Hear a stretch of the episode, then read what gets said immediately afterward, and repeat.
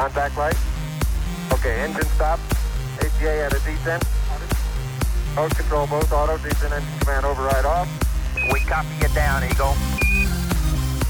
Okay, we're gonna be busy for a minute. For one priceless moment in the whole history of man, all the people on this earth are truly one.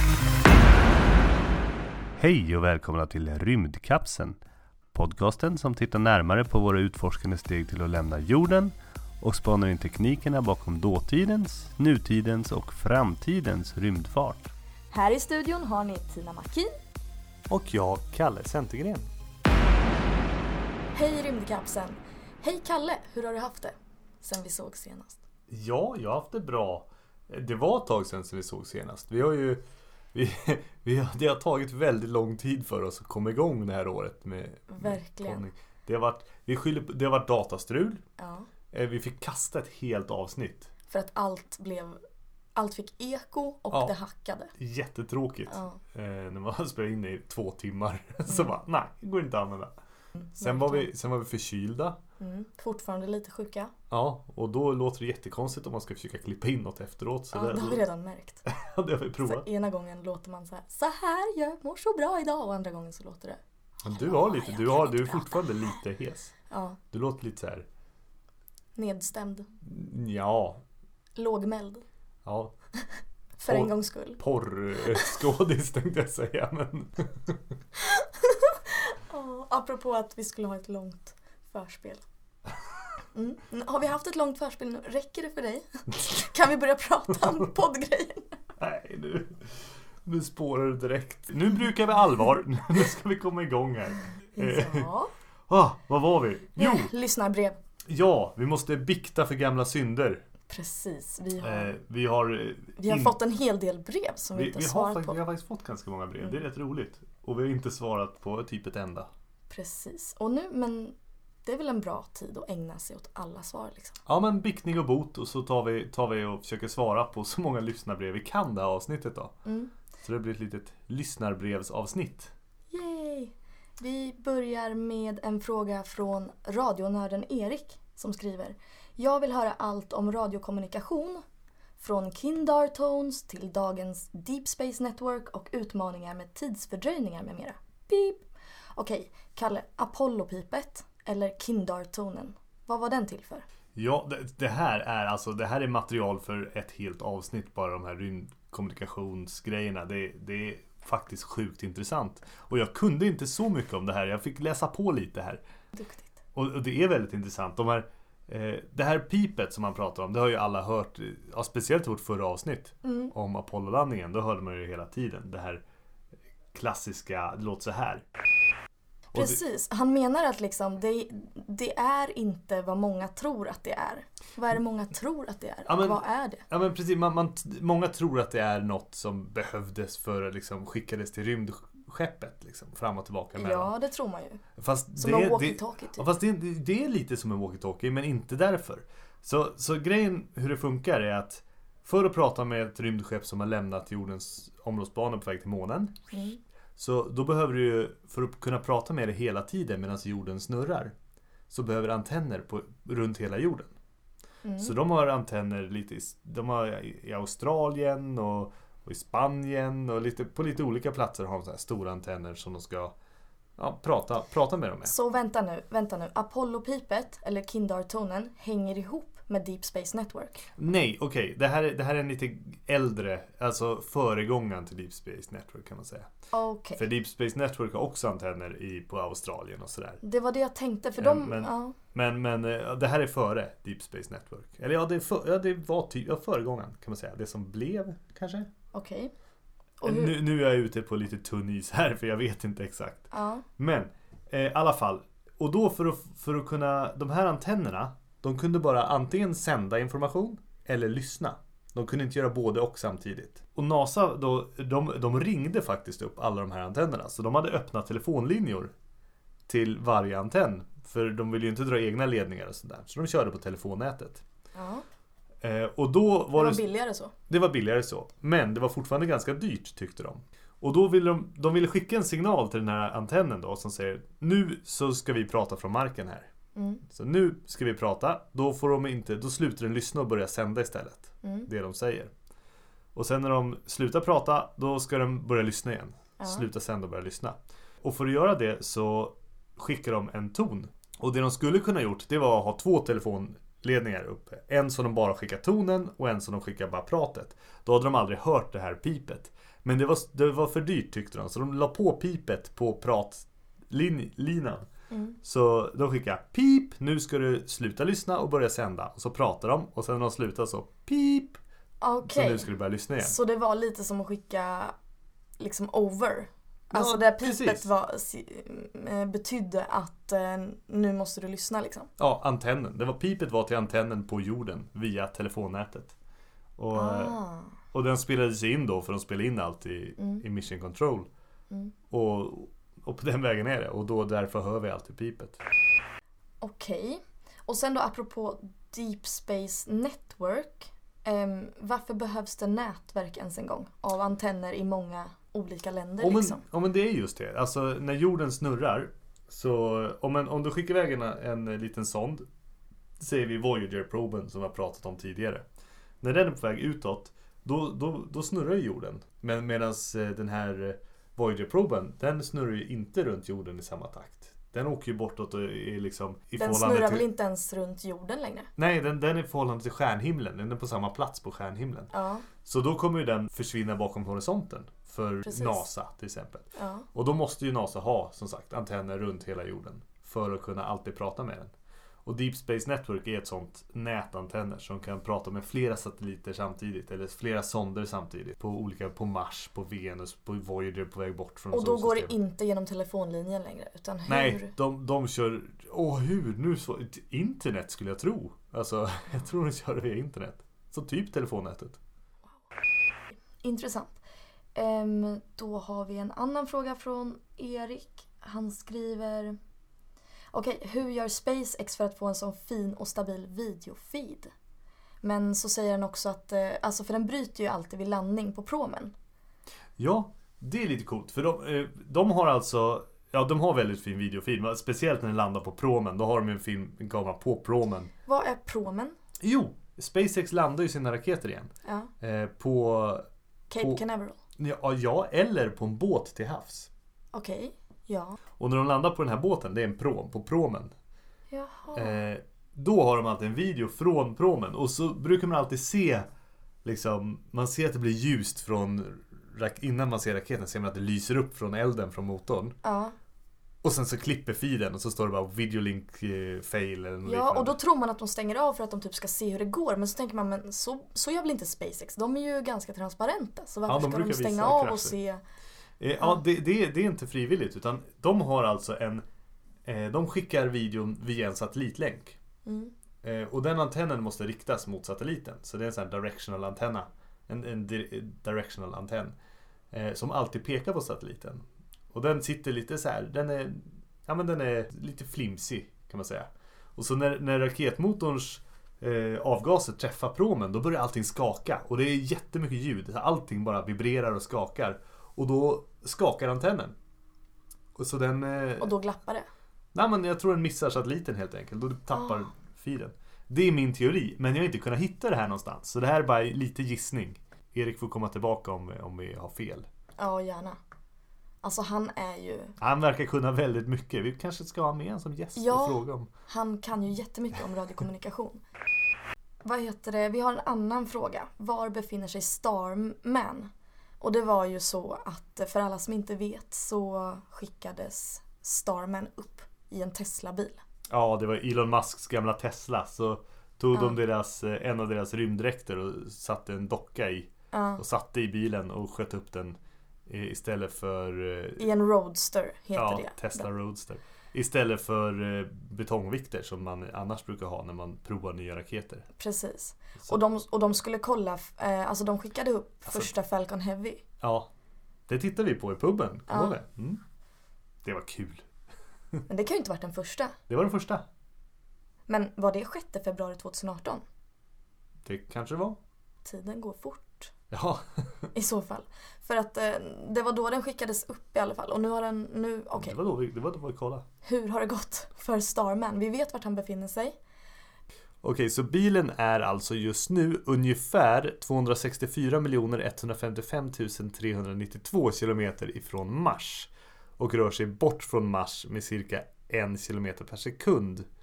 Mm. Den har överskridit sen sin 36 000 mile garanti 13 372 gånger. Och eh, Medan den har åkt runt solen. ja, den ligger en bana runt solen då. Ehm, och den åker i cirka 79 000 kilometer i timmen. Ehm, det där är svårt med hastigheter i rymden. För det är ju inte i förhållande till vad? Till förhållande till solen då, antar jag. Ja. Och den får alltså bränsleekonomi av 3820 miles per gallon. Det är alltså 1624 kilometer per liter. ja. Eller 0,0615 Vad innebär det här? liter per 100 Hur kilometer. får den det? Alltså, för de räknar med på hur mycket RP1 det gick åt att skjuta upp bilen. Vad är RP1? Det är Rocket Propellant 1. Det är alltså diesel. Eh, SpaceX rak- nuvarande raket går på diesel. True story. Det var det löjligaste jag hört. Säger man det om Alltså, man, om man ju kör det, dieselbil det, ju också? ett- det, är, det är ju hårdare raffinerat och så här. Men det är samma sak egentligen. Det går Ja, att köra en dieselbil på det tror jag. Ja. Och då har de räknat på hur mycket gick det åt på att skjuta upp den här bilen och hur långt har den färdats. Och då får de att ja men den drar 0,06156 liter per 100 100 kilometer. Och det blir ju bara bättre och bättre. Mm. Så om 100 år kommer det vara väldigt många nollor där innan. Ja. Väldigt, väldigt bränsleekonomiskt. Sen är det, om man tänker sig att batteriet fortfarande funkar så har Starman, stackars stackars Starman, lyssnat på Space Oddity 101 000 gånger sedan den sköts upp. Mm. Och på Is there life on Mars 136 122 gånger i det andra örat. Nej, va? har de olika låtar i Ja. olika öron?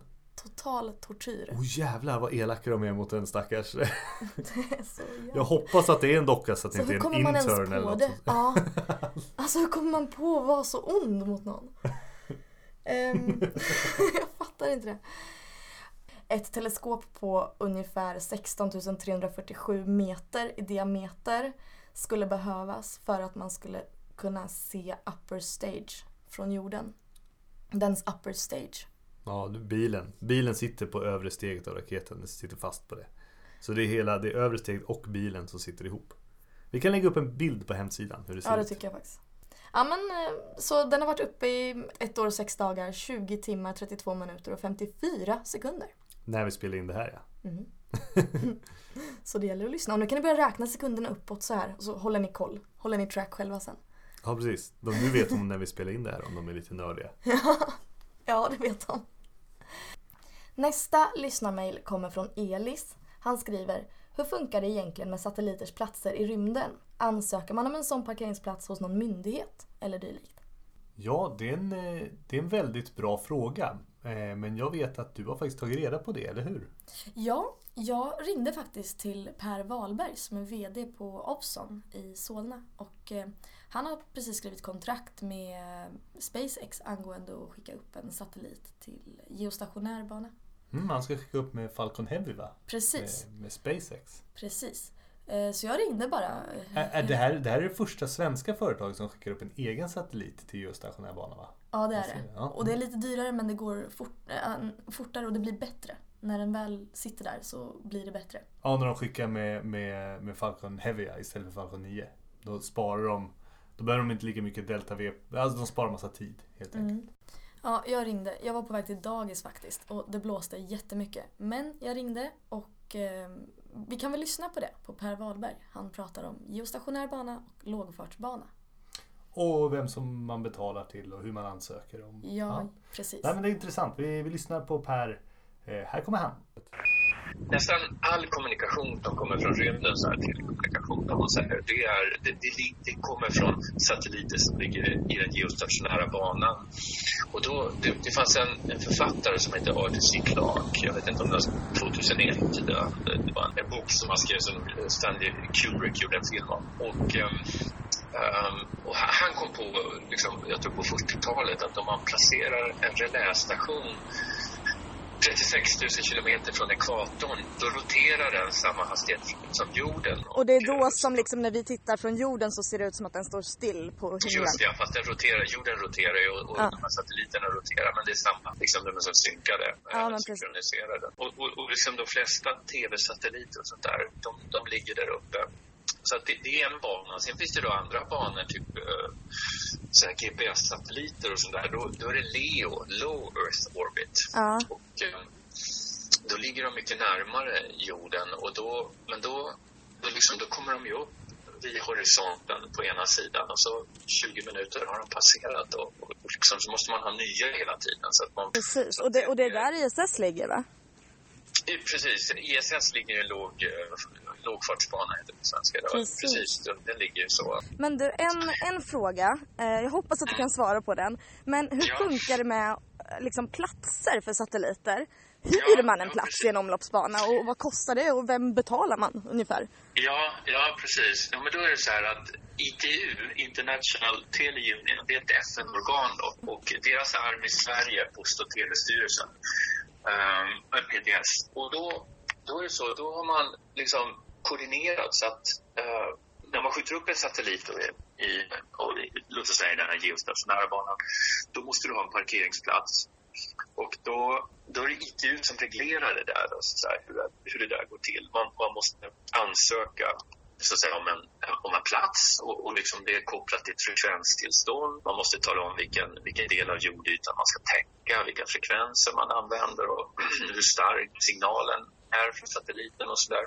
Mm. Så det var det första vi gjorde i det här bolaget. Så vi har jobbat uh, väldigt lång tid med det. Då. Och, uh, så idag har vi 16 positioner uh, runt jorden då, för global täckning.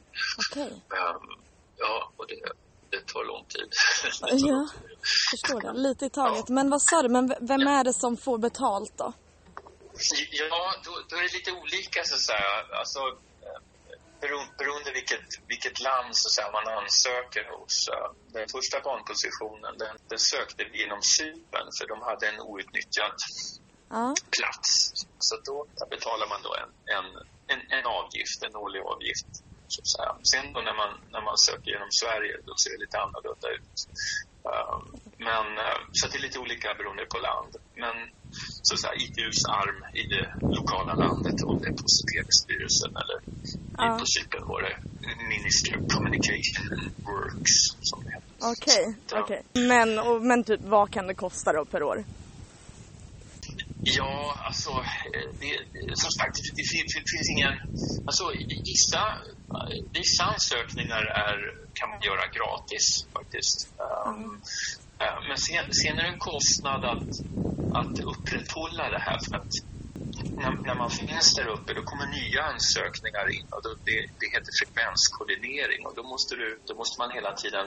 Det kommer någon ny ansökan upp där. Det, ja. tänkte, det är som att bygga hus. Liksom. Alltså, ska någon granne bygga ett hus där? Ja, just det. Den här grannen förhålla sig, det, då, då, kan, då har man rätt att vara först. Så har rätt att säga, nej men här, du får inte bygga. Ja, du får inte skymma sikten och sånt där liksom. Men, ja, exakt. Ja. Typ, ungefär motsvarande då. Så, så, och då, så, så det, det, det, det är en väldig kostnad med det då, liksom hålla, hålla det där igång. Men, men det är lite olika beroende på land. Va? Men och, och vad sa du de hette, de som man kunde, där man kunde se liksom vem som har rätten? Eh, det är ITU, International Teleunion. Ja, men okej. Men tack så jättemycket för all information och så lycka till! Det, det är 2020 som, som det blir av då, eller? Just det, ja. ja. Precis. Lycka till! Ja, nej men okej, okay. nej men då så. Ha, ha det så bra. Hej, hej. Ja, detsamma. Hej. du är så jävla grym som bara ringer han. Usch, vad pinsamt.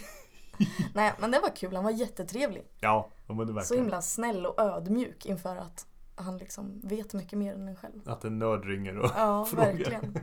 Jätte... Ja det var coolt. Ja, Vi är ju värsta journalisterna känns det som här. det var lite journalistiskt Ja. arbete. Ja, nästa, ska vi ta nästa lyssnarbrev här då? Mm, mm, Lyssnarbrev? Lys, lyssnarbrev heter det. Lyssnarbrev. Var kan jag köpa en rymdkapseln t-shirt från Gustav? Ooh.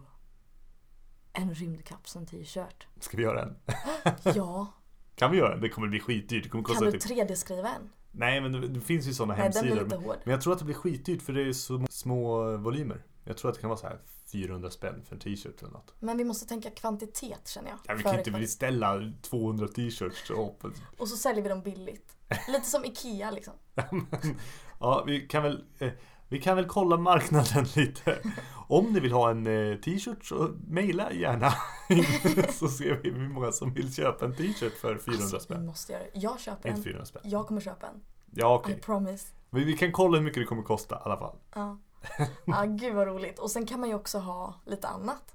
Typ underkläder. Underkläder med våran logga på. Alltså gud vad kul. Alltså gud, vilka kommer använda det? Kommer inte det vara lite creepy? Jo, Nej, det kommer det inte vara. Nej men köp, köp. kall, kallingar med ditt ansikte på i profil så här. Det skulle, skulle vara bra va?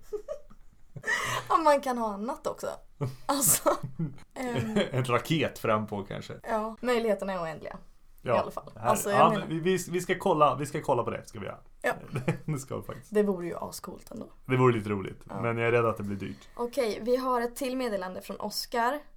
Ehm, han skriver massa fint till oss. Mm. Ehm, och sen så skriver han så här att Det är kul, vi gillar fint. ja, det gör vi. Ja, verkligen. Eh, och, så, och så säger han så här att det pratas mycket om SpaceX men det finns ju flera såsom Blue Origin, Virgin Galactic. Skulle vara intressant att höra lite om vilka ni känner till och vad de har för mål och produkter. Kanske presentera en tidslinje för när de startade. Alltså de här New Space. Ja, ja de kallas ju ofta New Space. Det är de, alltså, de som inte är med i ULA kan man säga. Mm, Eller Ariane eller de här gamla som alltid hållit på med spaceflight. just det. Eh, det ja, det, Ska vi det göra lite, Ja men det, vi kan göra en liten snabb timeline. Det är lite, vi, vi känner till alla kan vi säga. Eh, såklart eftersom vi är experter på området. Eh, men eh, det man tror är när man pratar om det här. Vi pratar mycket om SpaceX för det, de gör mest kan man säga. Mm. Men om man kollar på tidslinjerna så var SpaceX var inte först av New Space. Utan först var faktiskt Blue Origin av de här tre vi nämnde nu då. De startades 2000 redan. Mm. Av Jeff Bezos. Bezos. Bezos? Typ. Amazon-grundaren. Vad nu. Om man heter, ja, det lät Jeff. svenskt. Vi säger bara Jeff. Han startade den 2000. Eh, SpaceX startades inte förrän 2002. Och sen kom Virgin Galactic 2004.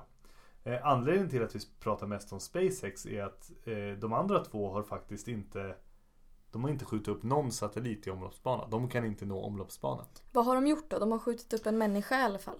En Eh, anställd, en stackars anställd. ja, Vir- Virgin Galactic gjorde det faktiskt väldigt nyligen. Bara i förrgår när vi spelade in det här.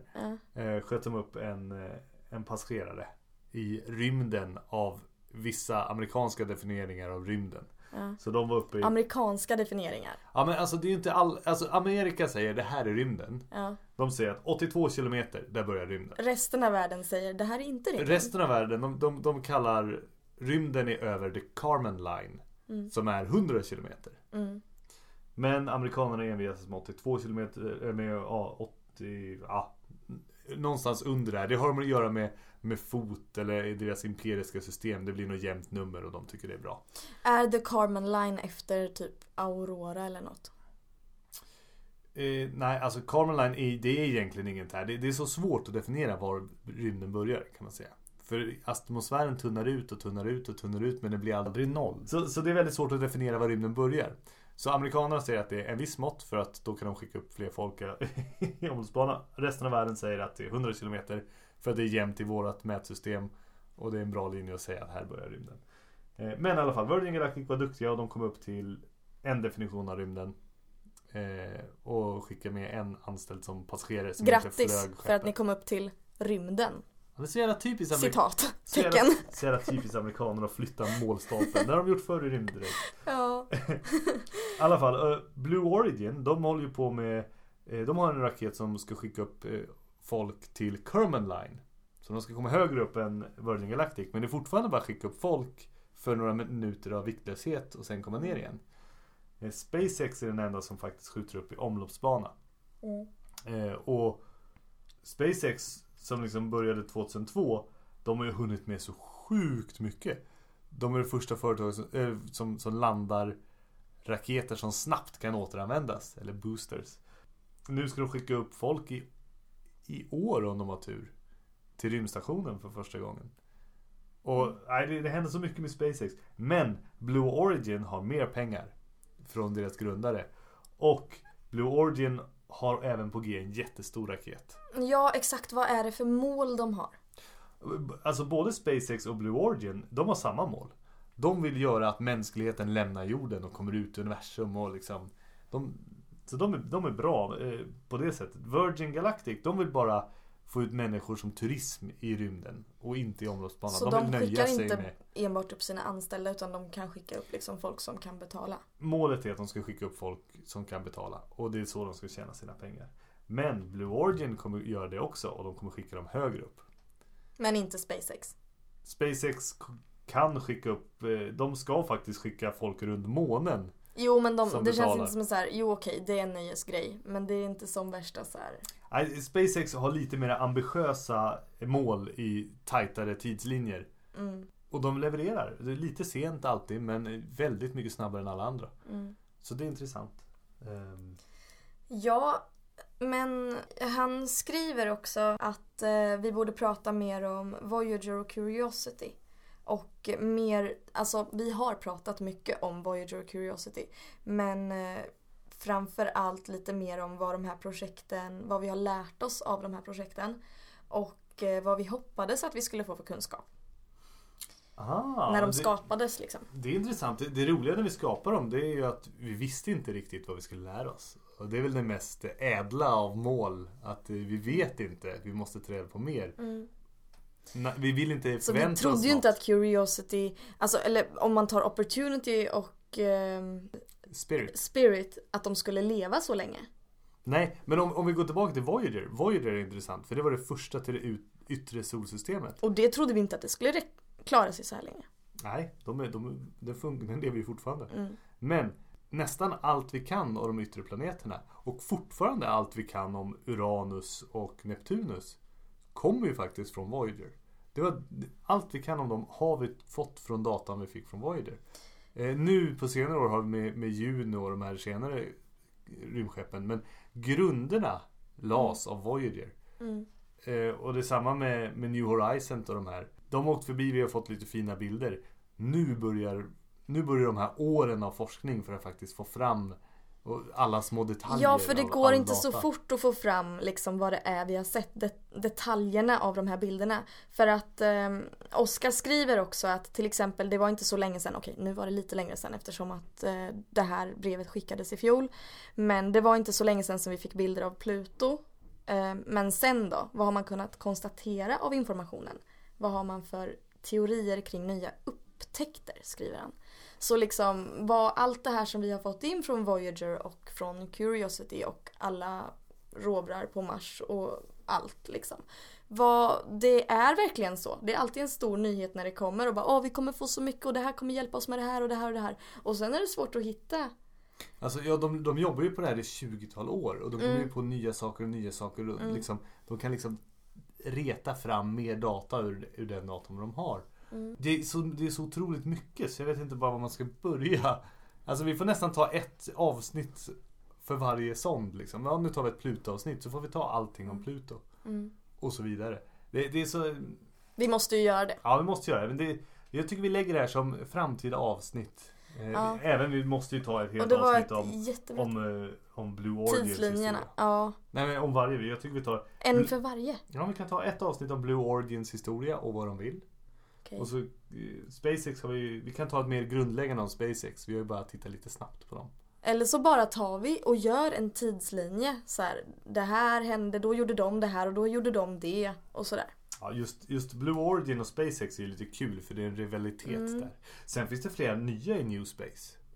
Det finns ju eh, Rocket Labs som gör små raketer. Det finns de här som gör den här 3D-printade motorn som jag nu inte kommer ihåg vad de heter. Eh, det finns eh, de här Stratolaunch som ska släppa en vertikal raket från en 7-4. Det finns jättemånga nya New Space som, eh, som också är där fast de har liten, små egna nischer av marknaden. Men de räknas som, som New Space. Mm. Jag, Ja, hoppas, men- jag hoppas det svarade lite på Tack så mycket. Oskar. Vi blev jätteglada. Och ehm, det var ett jättefint meddelande. Alltså jag bara så här. Av en händelse fick jag höra om er podcast Rymdkapseln och kunde naturligtvis inte låta bli att lyssna. Kul. Ja, har du något mer brev i, i brevsäcken som man säger? Fidde från Tesla Club Swedens forum skriver, för vi, för vi har ju en egen tråd där. Ja, jag har sett det, det är jättekul. Ehm. Eller sett det, det var jag som startade tråden. Skön du. Eh, han skriver, kommer vi som inte är allt för gamla att i vårt liv få se närbilder på en annan stjärna och dess planetsystem? Ja, han, han eh, tänker på eh, break, Breakthrough Starshot där. Det är, ett, eh, det är ett initiativ från Stephen Hawkins om att kunna skicka en sond till en annan stjärna. Mm. Eh, med hjälp av lasrar och ett solsegel. Det finns... Jag, det jag skulle vilja göra är att jag skulle vilja ta ett, ett helt avsnitt bara med interstellära projekt och idéer som har funnits. För det, det finns ett helt gäng gamla idéer som är, som är jättefascinerande som aldrig blev av. Och några som är planerade. Och jag tycker att vi tar ett helt avsnitt i framtiden, inte nästa men kanske nästnästa. Och bara går igenom dem. För det finns så mycket man kan prata om dem. Och det är jättehäftiga koncept. Men åker man då till den närmaste, till vår närmaste stjärna till att börja med? Eller?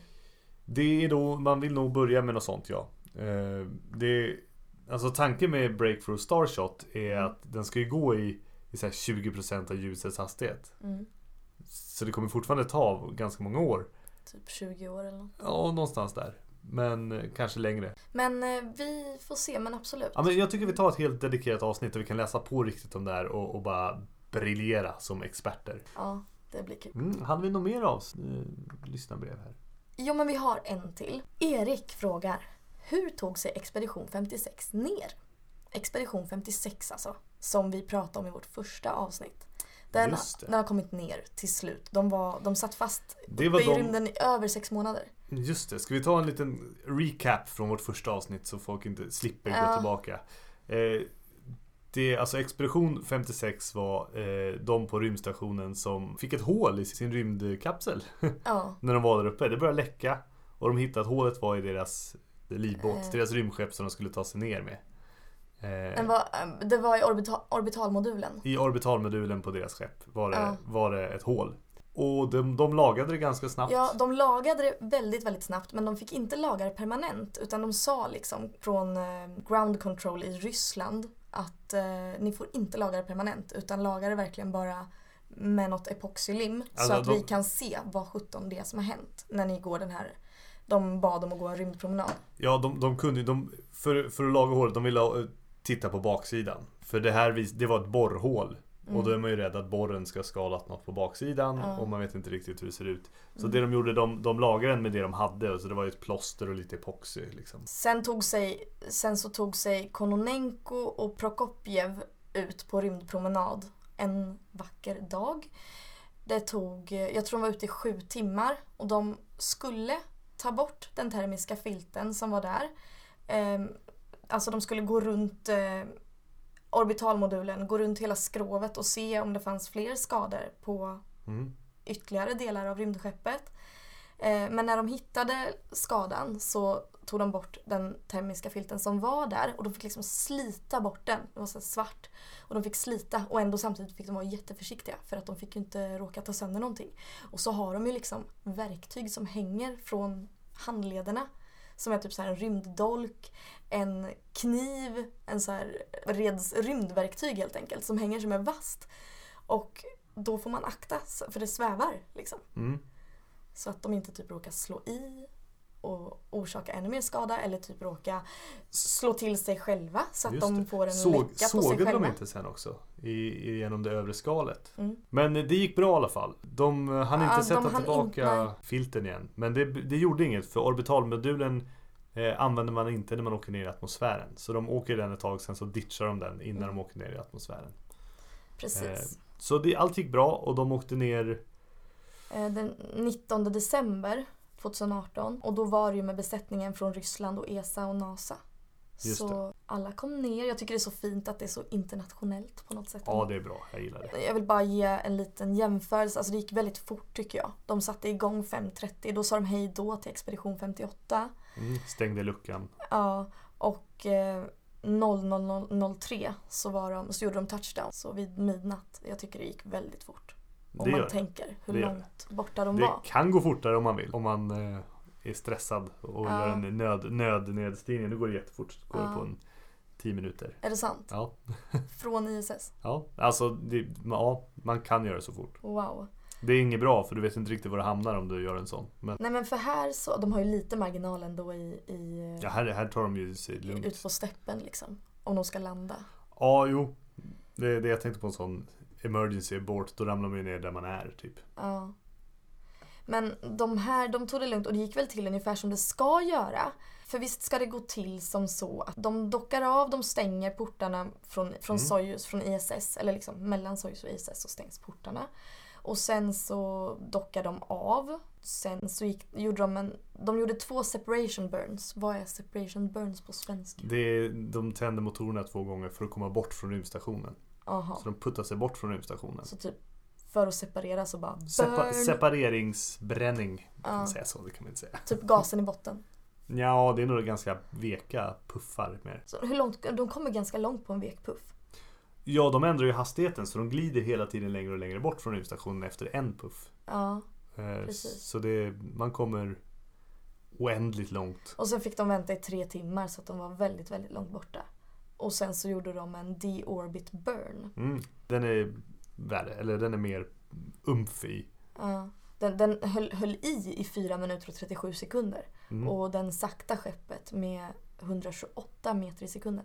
Ja, och det räckte för att de ska träffa övre delen av atmosfären och så bromsas de upp mycket, mycket mer.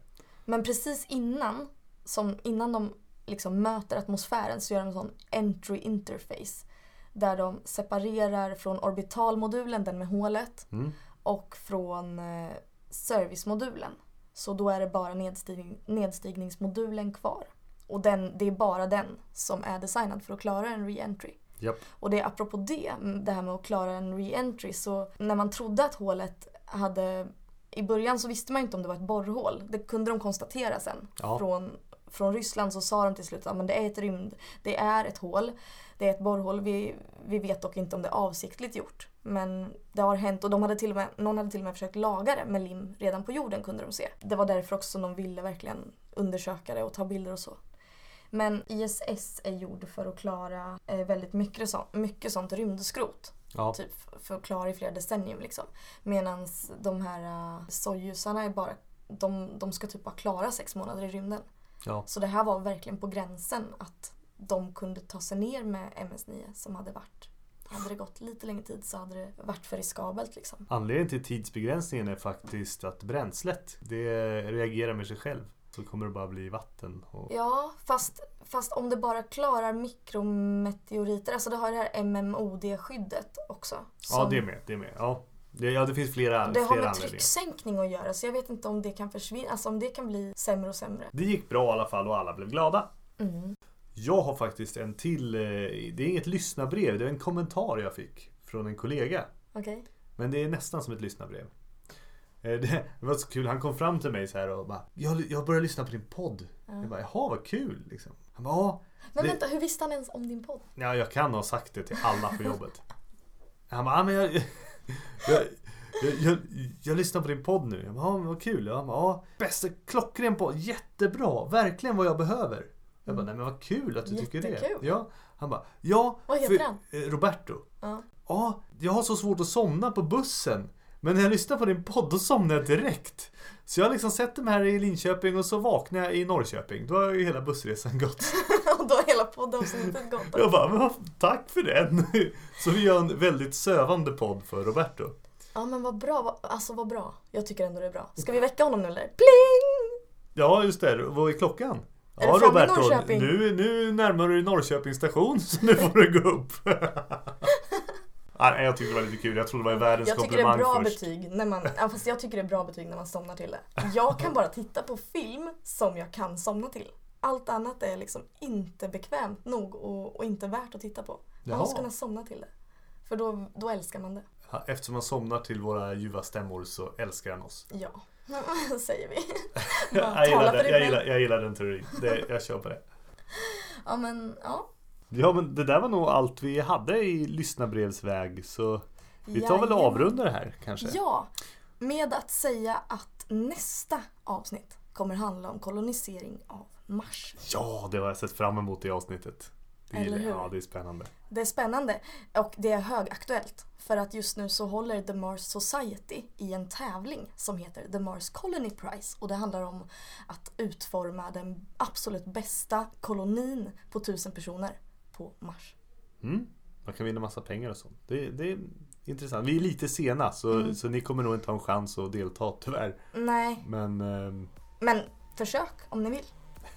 ja, ni får lyssna med på nästa avsnitt. Jättekul. Det, det ser jag fram emot. Åh, jag ser fram emot det här. Men eh, med det säger vi väl godnatt och se upp!